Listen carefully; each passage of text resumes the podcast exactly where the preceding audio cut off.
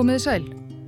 Fá fyrirbæri hafa verið jafn fyrirferðamikil í fréttum undanfarina ára en hriðjuverkasamtökin sem kjanna sig við Íslamst ríki og lögðu undir sig landsvæði, borgir og bæi í Írak og Sýrlandi og hafa staðið fyrir hriðjuverka árásum og voðaverkum víða um heim.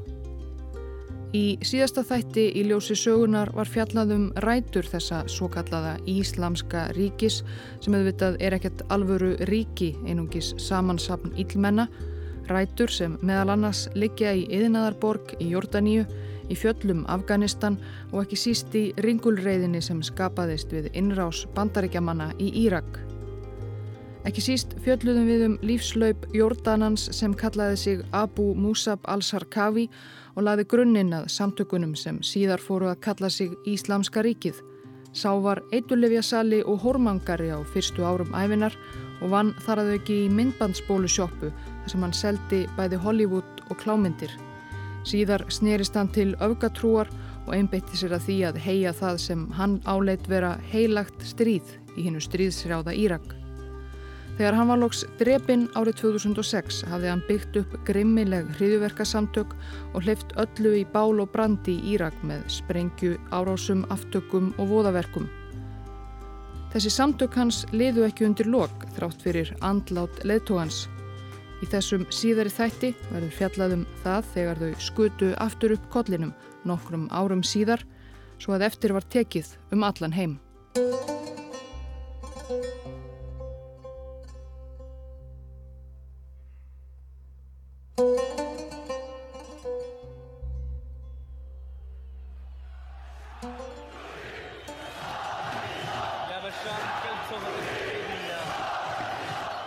Arabíska vorið svo kallaða barst til Sýrlands frekar seint.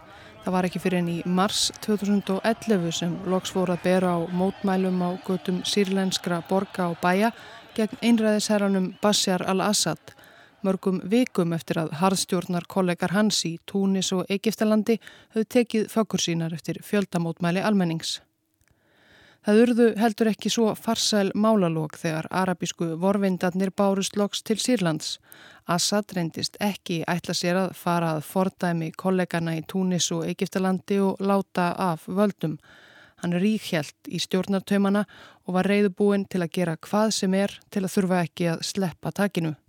Fljótlega var hann farin að síga bæði lögreglu og herr á mótmælendur og mótmælendurnir sem hafðu verið friðsamir til að byrja með bröðust við með því að viðbúast. Ekki leið því á laungu þar til mótmæla hreyfing og uppreysn almennings var orðin að borgarastyrjöld.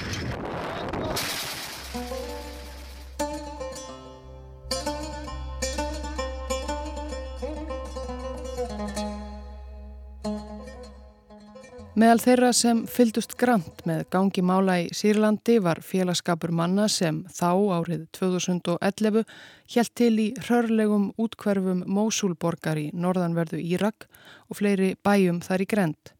Þeir hýrðust í felum eiginlega þó þeir ættu að heita samstarfsmenn töluðist þeir sjaldan við nema þegar bráðun nöðsynlegt var af óta við að vekja grunnsemtir yfirvalda.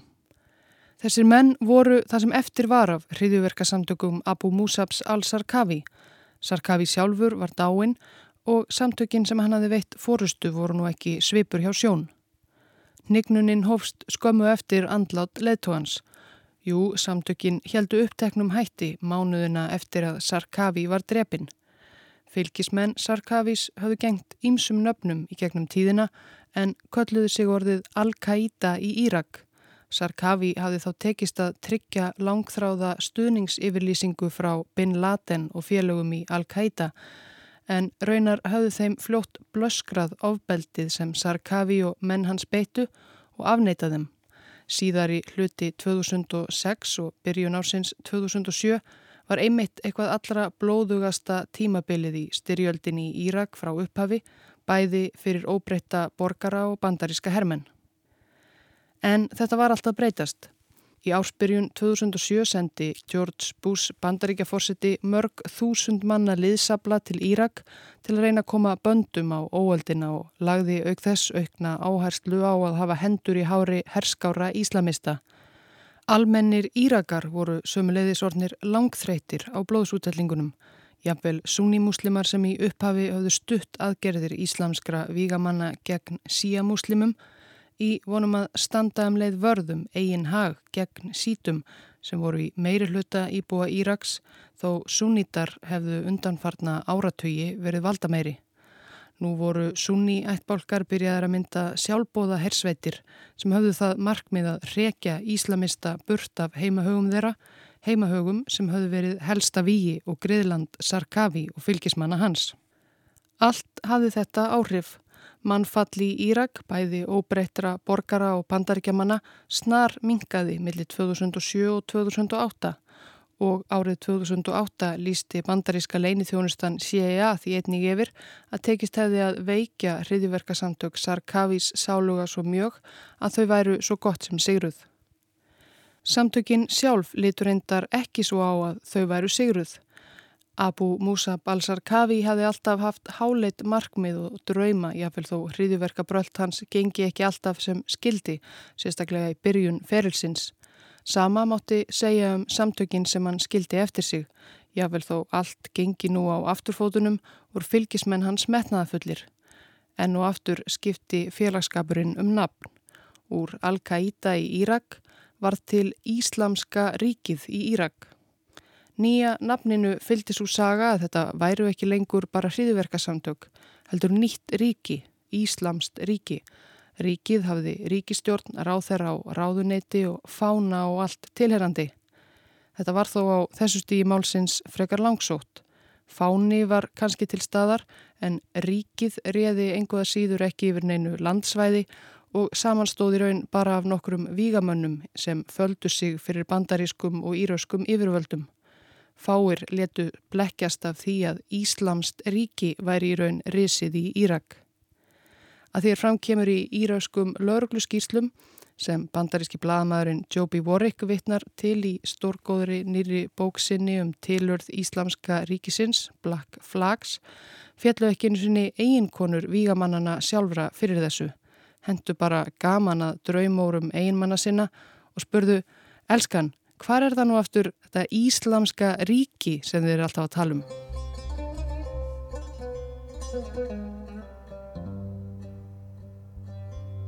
Liðsaukning Bús fórsetta hafi tilskilin áhrif í að koma böndum á vargöldina svo því áslokk 2007 byrjuðu bandaríkjamenn að draga aftur úr fjölda hermana í Írak, draga sig tilbaka. Þá kom það í hlut íraskra stjórnvalda að halda upp í lögum og reglu í landi sem Þó að ástandið hafi skánað nokkuð frá því þegar verslétt, logaði enni ofbeldi og var á flestanhátt ítla farið og veikburða eftir innrás og áralanga styrjöld og innbyrðis átök.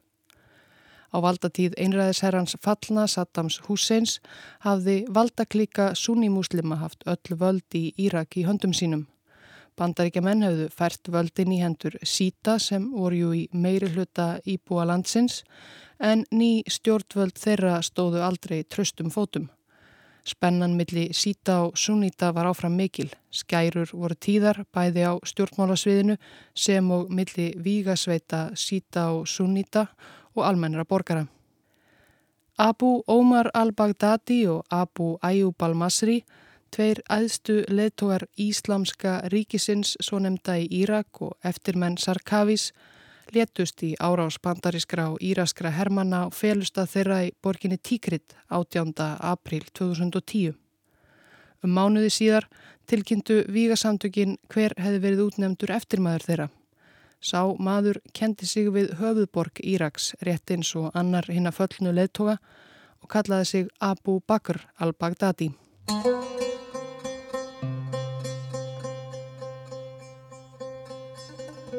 Hann fættist reyndar ekki í Bagdad, heldur í borginni Samara um 120 km norður af höfuborginni. Það var árið 1971 og hann hétt þá Íbrahim Áad al-Badri en við skulum kalla hann Bagdadi. Það er ekki svo mikið vitað um æsku Bagdadis og æfi nema þá helst það sem hann hefur sjálfur látið skrifa í ofinbera æfusögur sínar. Bagdadi vil gjarnan hafa stjórn á eigin ímynd. En við vitum að um 18 ára gammal flutti Piltur frá Samarra til Bagdad til að hefja námi Guðfræði við Íslamska háskóla borgarinnar. Hann var með því að feta í fótspór ættinga sinna. Í al-Badri fjölskyldunni voru fjölmarkir klerkar og trúsbyggingar, flestir af íhaldsamara tæginu og fjölskyldan var stolt af því að geta vist rakið ættir sínar allaleið aftur til sjálfs Múhammeds spámans. Í Bagdad kom drengurinn sér fyrir í Topci, fátæku hverfi í vestanverðir borginni og fekk leikt lítið herbergi í hverfismoskunni. Hann var kurteis en feiminn ungur maður, segja þeir sem þekktu til Bagdadís á þessum árum og eftir tektarverður held sig mikið útaf fyrir sig. Tók að vísu þátt í félagslífi ungmenna sem stunduðu sömu mosku, sund og piknikferðum og spilaði í fótboltaliði moskunar. Þrátt fyrir að vera svo illa nær sítna að hann var undan þegin herþjónustu, skaraði hann fram úr í fótbolta, var lang besti maður liðsins, svo góður að mörgum árum síðar myndust fyrrum liðsfélagar hans enn og kolluði hann þeirra eigin Messi. En aðalega syndi ungi maðurinn sem síðar var þekktur sem Abu Bakr al-Baghdadi námi sínu af kappi árum saman. Hann tók bíagráðu í kóranfræðum svo master og byrjaði loks í doktorsnámi. Hann sérhæði sig í þeirri fornu list að tóna kóraninn og masters rítgerðin fjallaði um lítþægt kjensluritt í tónun frá miðöldum.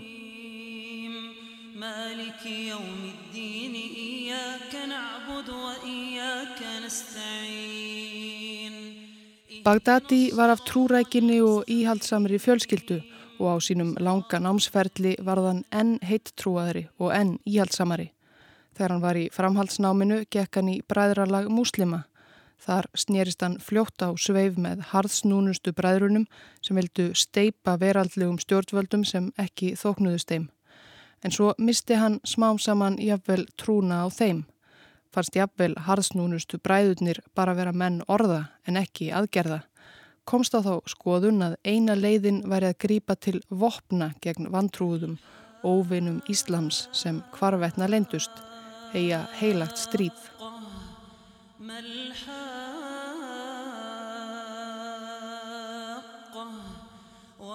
Nokkrum mánuðum eftir innrás bandaríkjamanna í Írak gekk Bagdadi til liðs við eitt af fjölmörgum litlum vígasamtökum sem börðust gegn innrásahernum í norðanverðu Írak. Bagdadi verðist þó ekki hafa tekið mjög virkan þátt í starfsemi samtakana. Ekki einungis vegna þess að hann var að upplægi bókabíus, heldur var hann skömmu síðar í februar 2004 handekinn af bandaríkjamönnum þegar hann heimsótti kunningasinn í borginni Fallujah, kunninga sem reyndist vera á lungum lista bandaríkjana yfir eftirlista afgamenn.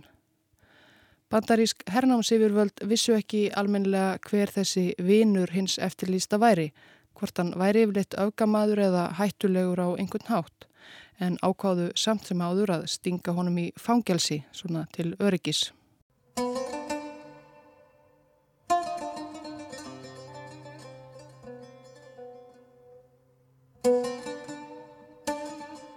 Þeir sem hlustuðu á fyrriþáttinum tilurð samtakana sem kenna sig við Íslamst ríki minnast þess kannski þegar Abu Musab al-Sarkavi var stungið í steinin fyrir misefnað hríðverkaplott um miðjan tíunda áratug síðustu aldar. Skemst er frá því að segja að Sarkavi blómstræði í fangelsi, aflaði sér fjölda nýra fylgismanna meðal samfanga sinna og þróaði með sér leðtoga hæfileika sem áttu eftir að nýtast honum vel utan vekja fangelsisins. Nú kynumst við enn einu fangelsinu sem átti hluti því að vígasamtökin Íslamska ríkið urðu til. Það var kallað Kamp Búka.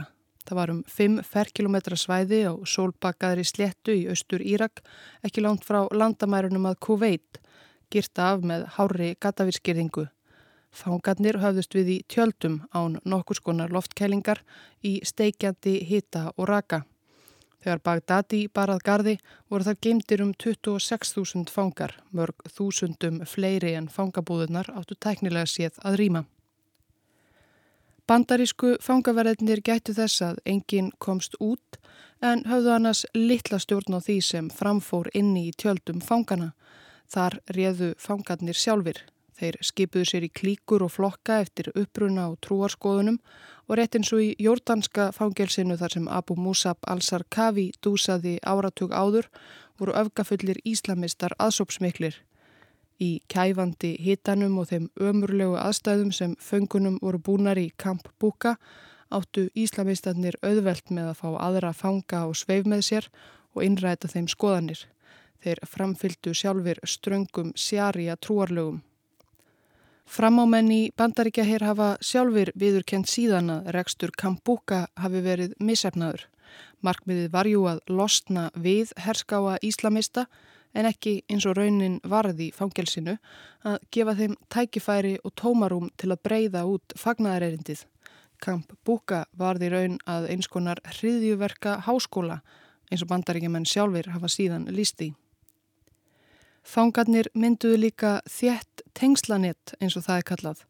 Einn helsta leiðin sem fangarnir í Kampúka notuðu til að halda sambandi var að tússa nöfn, símanúmer og heimilisvöng nýra félaga sinna á tegjuna í nærbuksunum sínum. Þegar þeir losnuðu, ríndu þeir svo í tegjuna og slóðu á þráðin til samfanga sinna. Og Abu Bakr al-Baghdadi, hann blómstræði líka í fangelsinu. Íslamistarnir í Kamp Búka tóku honum fagnandi, honum og öllum hans háskólagráðum í íslömskum fræðum. Hann skapaði sér fljótt sess meðal fangana sem sjarja lögspekingur og fór þar að auki að leiða bænir, tónaði fagurlega kóranvers yfir þúsundum gullklættra samfanga sinna kvölds og morna. Hann spilaði líka fótbolta í fangelsinu og skaraði þar fram úr eins og í Moskunni á árum áður nema í þetta sinn var hún líkt við sjálfan Maradona. Og hann kynntist mönnum sem áttu eftir að verða nánir samstarsmenn hans í framtíðinni undir fána Íslamska ríkisins. Í kamp Búka dvöldu meðal annars margir samstarsmenn hríðverkaleðtóhans Abu Musab al-Sarkavi sem lenthöfðu í klónum á bandaríkjamönnum og það fór vel á með þeim og hinnum feimna en æ herskári guðfræðinema Bagdadi. Til að reyna að stemma stigu við offjölgun í Kampúka voru fangar sem álitnir voru hættulitlir reglulega látnir lausir. Bagdadi var einn slíkur. Þetta var jú bara einhver fræðimaður, hugsuðu bandarísk fangelsis yfirvöld með sér, nærsýn bókabíus sem engin vissi almennilega af hverju var yfirleitt í fangelsinu. Svo að í desember 2004 var maðurinn sem síðar kallaði sig Abu Bakr al-Baghdadi látin laus eftir tíu mánada fangilsistvöl, laus allra mála.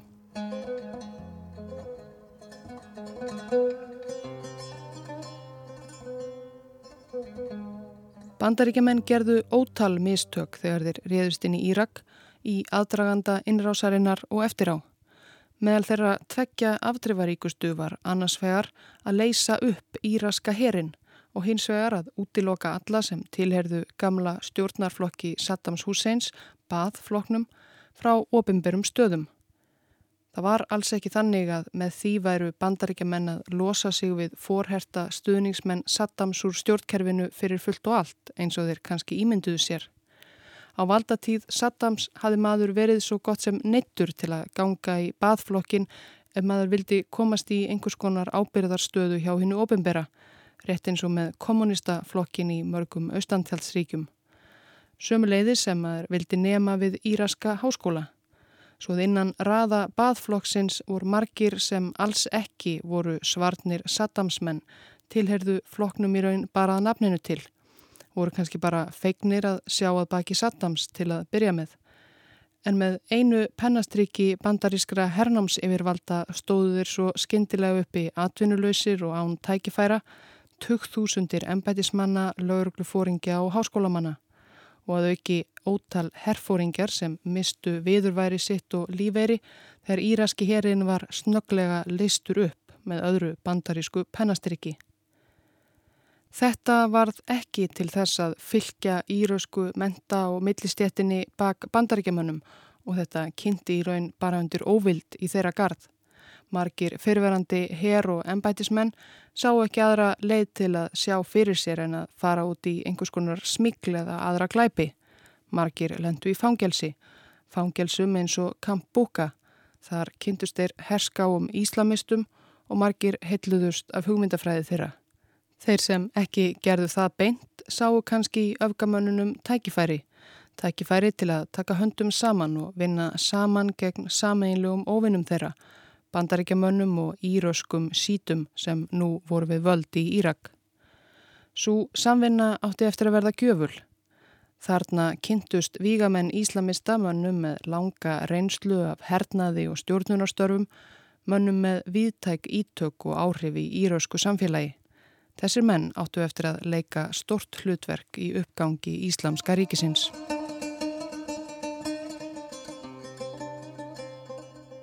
Það fór lítið fyrir hinnum frjálsa Bagdadi fyrstu árin eftir að hann losnaði úr fangelsi.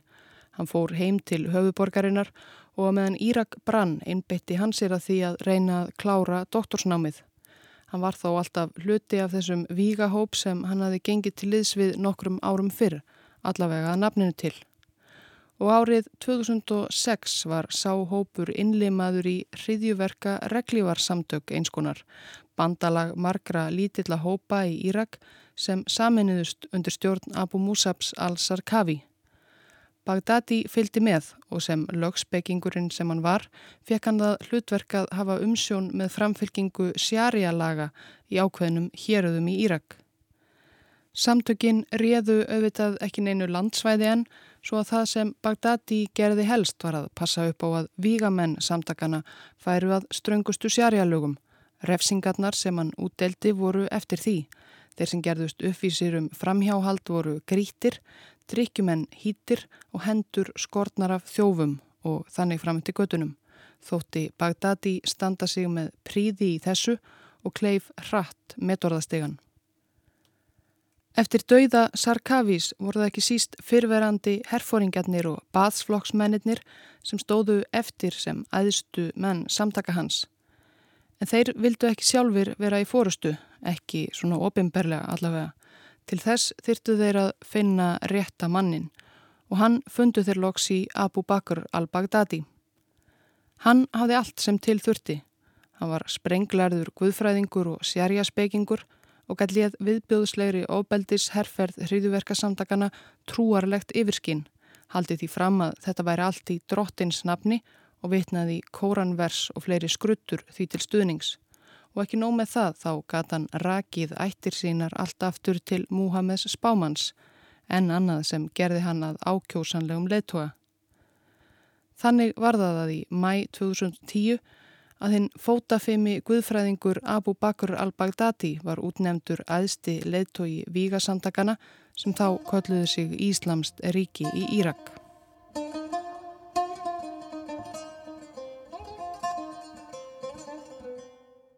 Við förum aftur til Sýrlands. Í ágúst 2011 voru liðnir fimm mánuður frá því að sírlendingar byrjuðu fyrst að mótmæla stjórn Bashars al-Assad fórseta Leðtógar Vesturlanda kvöttu og kvöttu fórsetan til að segja af sér og hypja sig en hann hlustaði ekki. Beitti bara meiri og meiri hörku til að hveða niður uppreysnina gegn sér.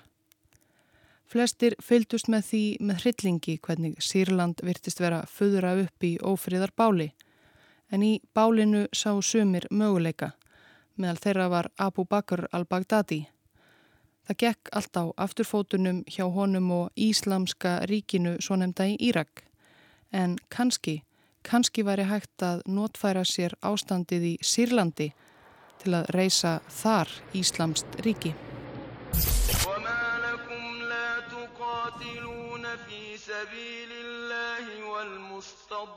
Sjá við færum henni íslamsku þjóð mikil gleðitíðindi.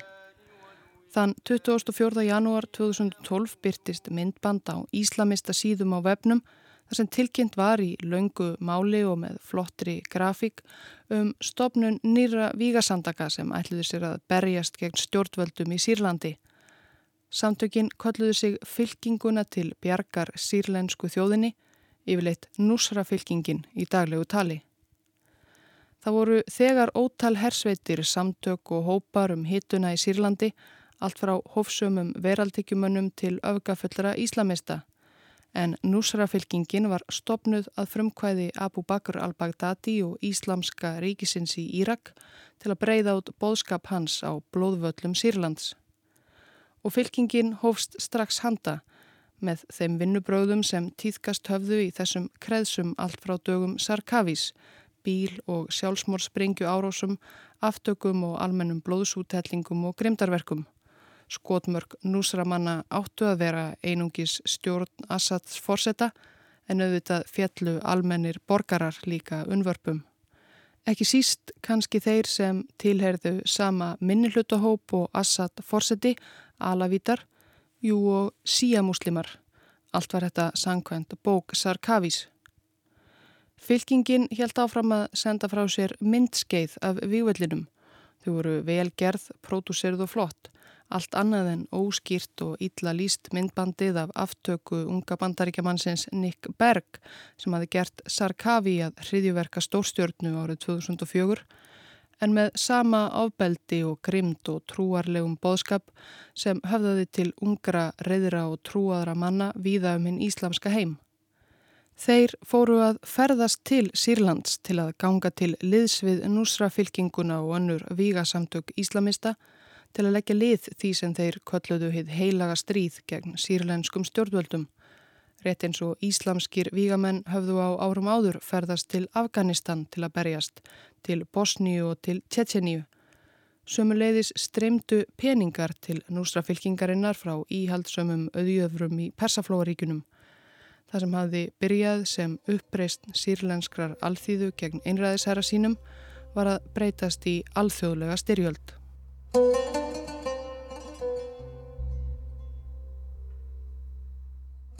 Átökinn í Sýrlandi örðu sífælt blóðugri og grimmilegri og í því átti núsrafylkingin ekki síst þátt. Enguða síður var Abu Bakr al-Baghdadi ekki ánægður með þessa undirmenn sína sem hann hafi sendt til Sýrlands til að undirbúa jarðveginn. Þeir voru ekki nógu blóðþyrstir fyrir hans smekk virtust hafa meiri áhuga því að einfallega steipa Assad Sýrlandsforsetta en hugðu minna að draumi Bagdadis um að reysa Íslamst nahmaduhu wa nasta'inuhu wa nastahdihi wa natawakkalu alayhi Í april 2013, minna en ári eftir að Nusra fylkingin var stopnuð með pomp og prakt, sendi Bagdadi frá sér yfirlýsingu þar sem hann lísti því yfir að fylkingin erði leist upp og vígamenn hennar innlimaðir í sameinað og sterkara Íslamst ríki í Írak og Sýrlandi eins og samtök hans myndu hérni frá kallast. Yfirlýsing Bagdadís vakti aðtegli um heim allan en eitthvað hefur klikkað í aðdragandanum því sameiningin verðist aldrei hafa verið borin undir sjálfa leðtoga núsrafylkingarinnar. Allavega tóku þeir illa í þessar fregnir þegar þeir loks fengu þær. Núsra fylkingin hafi komið vel undir sig fótunum í Sýrlandi, voru þar með upplugustu vígasveitum uppreysnarmanna og hafðu orðið lítinn áhuga á draumórum Bagdadís og félaga hinnum einn landamærarna í Írak. Ekki leið á laungu þar til Núsra fylkingin sendi frá sér sína eigin ofinberu yfirlýsingu þar sem þeir höfnuðu saminningunni og málflutningi Bagdadís. Þetta var alltið pínlegasta mál og ekki síst var það sjálfgeft, svo gott sem óheirt, að tvö hriðverkasamtök ættu í slíku orðaskaki og það fyrir opnum tjöldum. Reynd var að fá eftirmann Osama bin Ladens í leðtóastóli Al-Qaida, hinn gráskeggjaða egíska augnskurðuleikni Ayman al-Sawahiri, til að miðla málum, en svo reyndist enginn hafa mikinn áhuga á því sem hann hafði að segja, allavega ekki Bagdadi sem helt ótröður áfram, Jável þó að hann fengi ekki bara nusra fylkinguna upp á móti sér, heldur allt Al-Qaida líka. Hún var alveg sama. Loksins var Íslamska ríki hans að rýsa.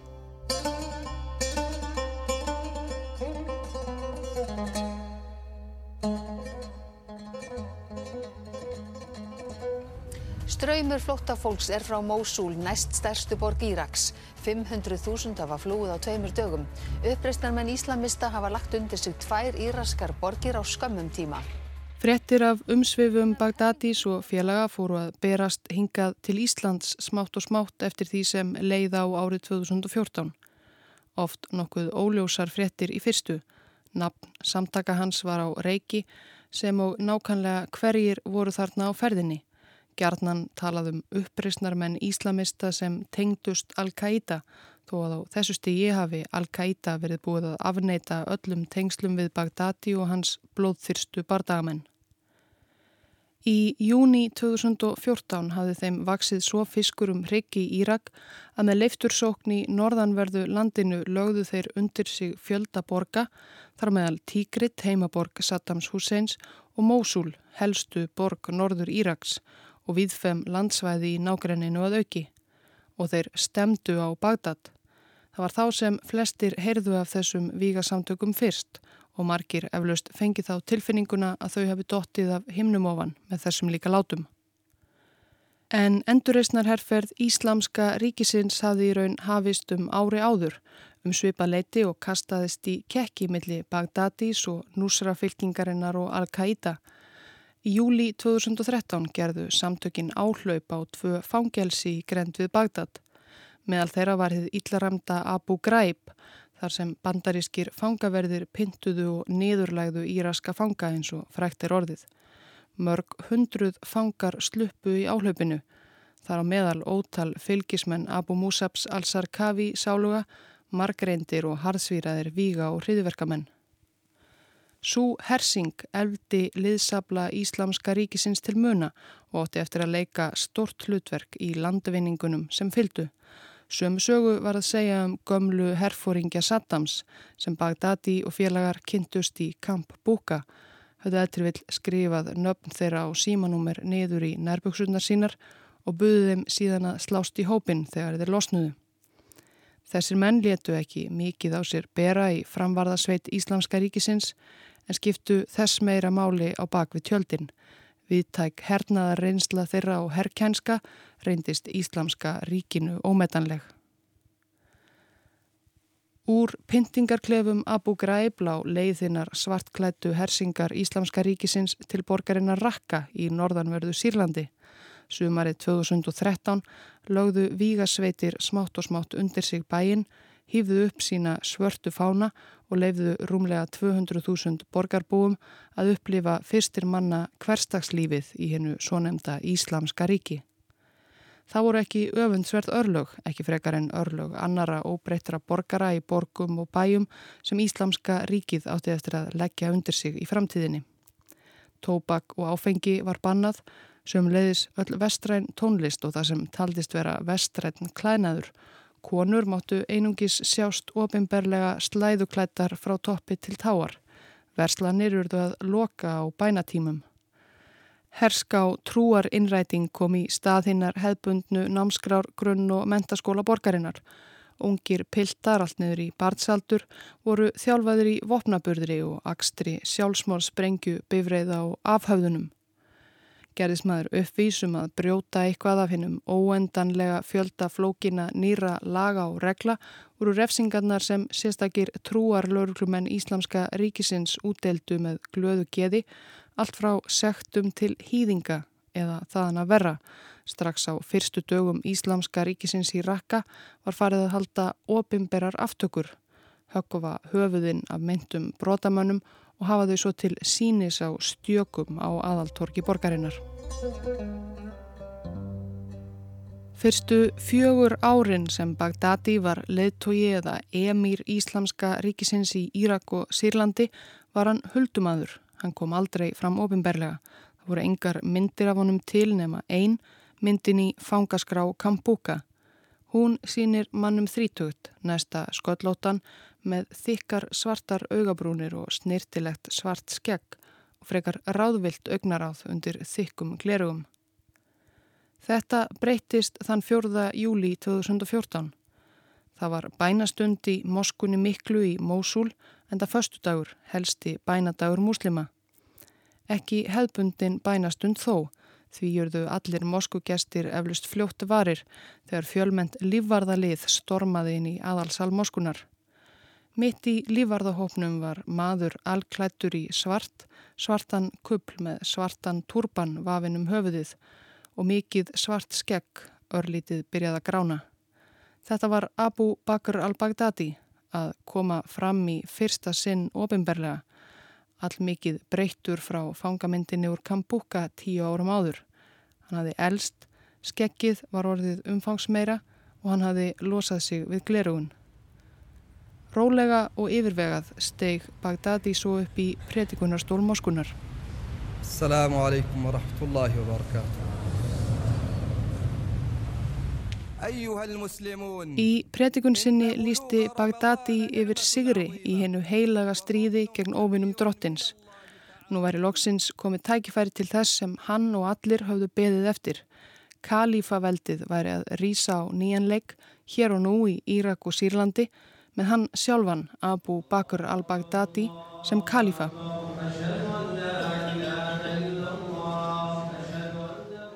Kalífi þýðir einfallega arftaki og það voru þeir kallaðir sem leittu trúarsamfélag muslima eftir dauða Múhammeds Bámans.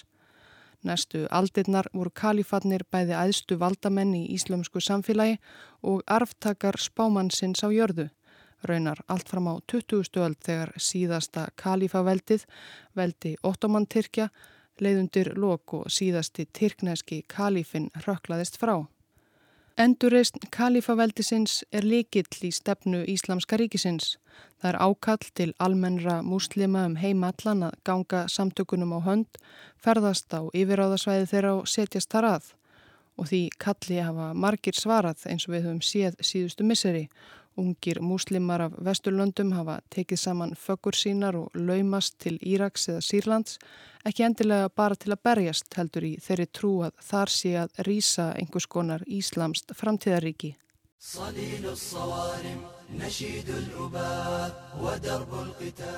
Endurreist kalifaveldisins er líka liður í þeirri heimsendahyggju sem gegnum sýrir alla stefnu Íslamska ríkisins. Hún á rætur sínar eins og sjálf samtökin á dögum Abu Musabs al-Sarkavi sem dreymdi um að með voðaverkum sínum efna til allserjar stríðsmilli Íslams og Vesturlanda og þessi heimsendahyggja hefur eftir því sem á líður skipað æ stærri sess í hugmyndafræði samtakana. Íslamska ríkið gefur út áróðursrítið Dabík Nafnið vísar til samnefns smábæjar í norðanverðu Sýrlandi, rétt við landamærina Tyrklandi.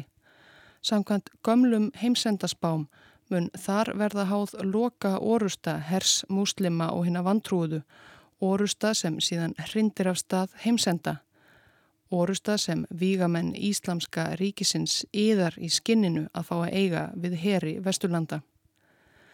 Líkt og Abu Musab al-Sarkavi beitti hriðju og grimdarverkum til þess að espa íbúa Íraks til borgarastyrjaldar, reyna eftirmenn hans nú að ekja vesturlanda búa til orustunar með hriðjuverkum og morðum. Það bólar þó enn ekkert á orustunni um Dabík og hvað þá heimsendi.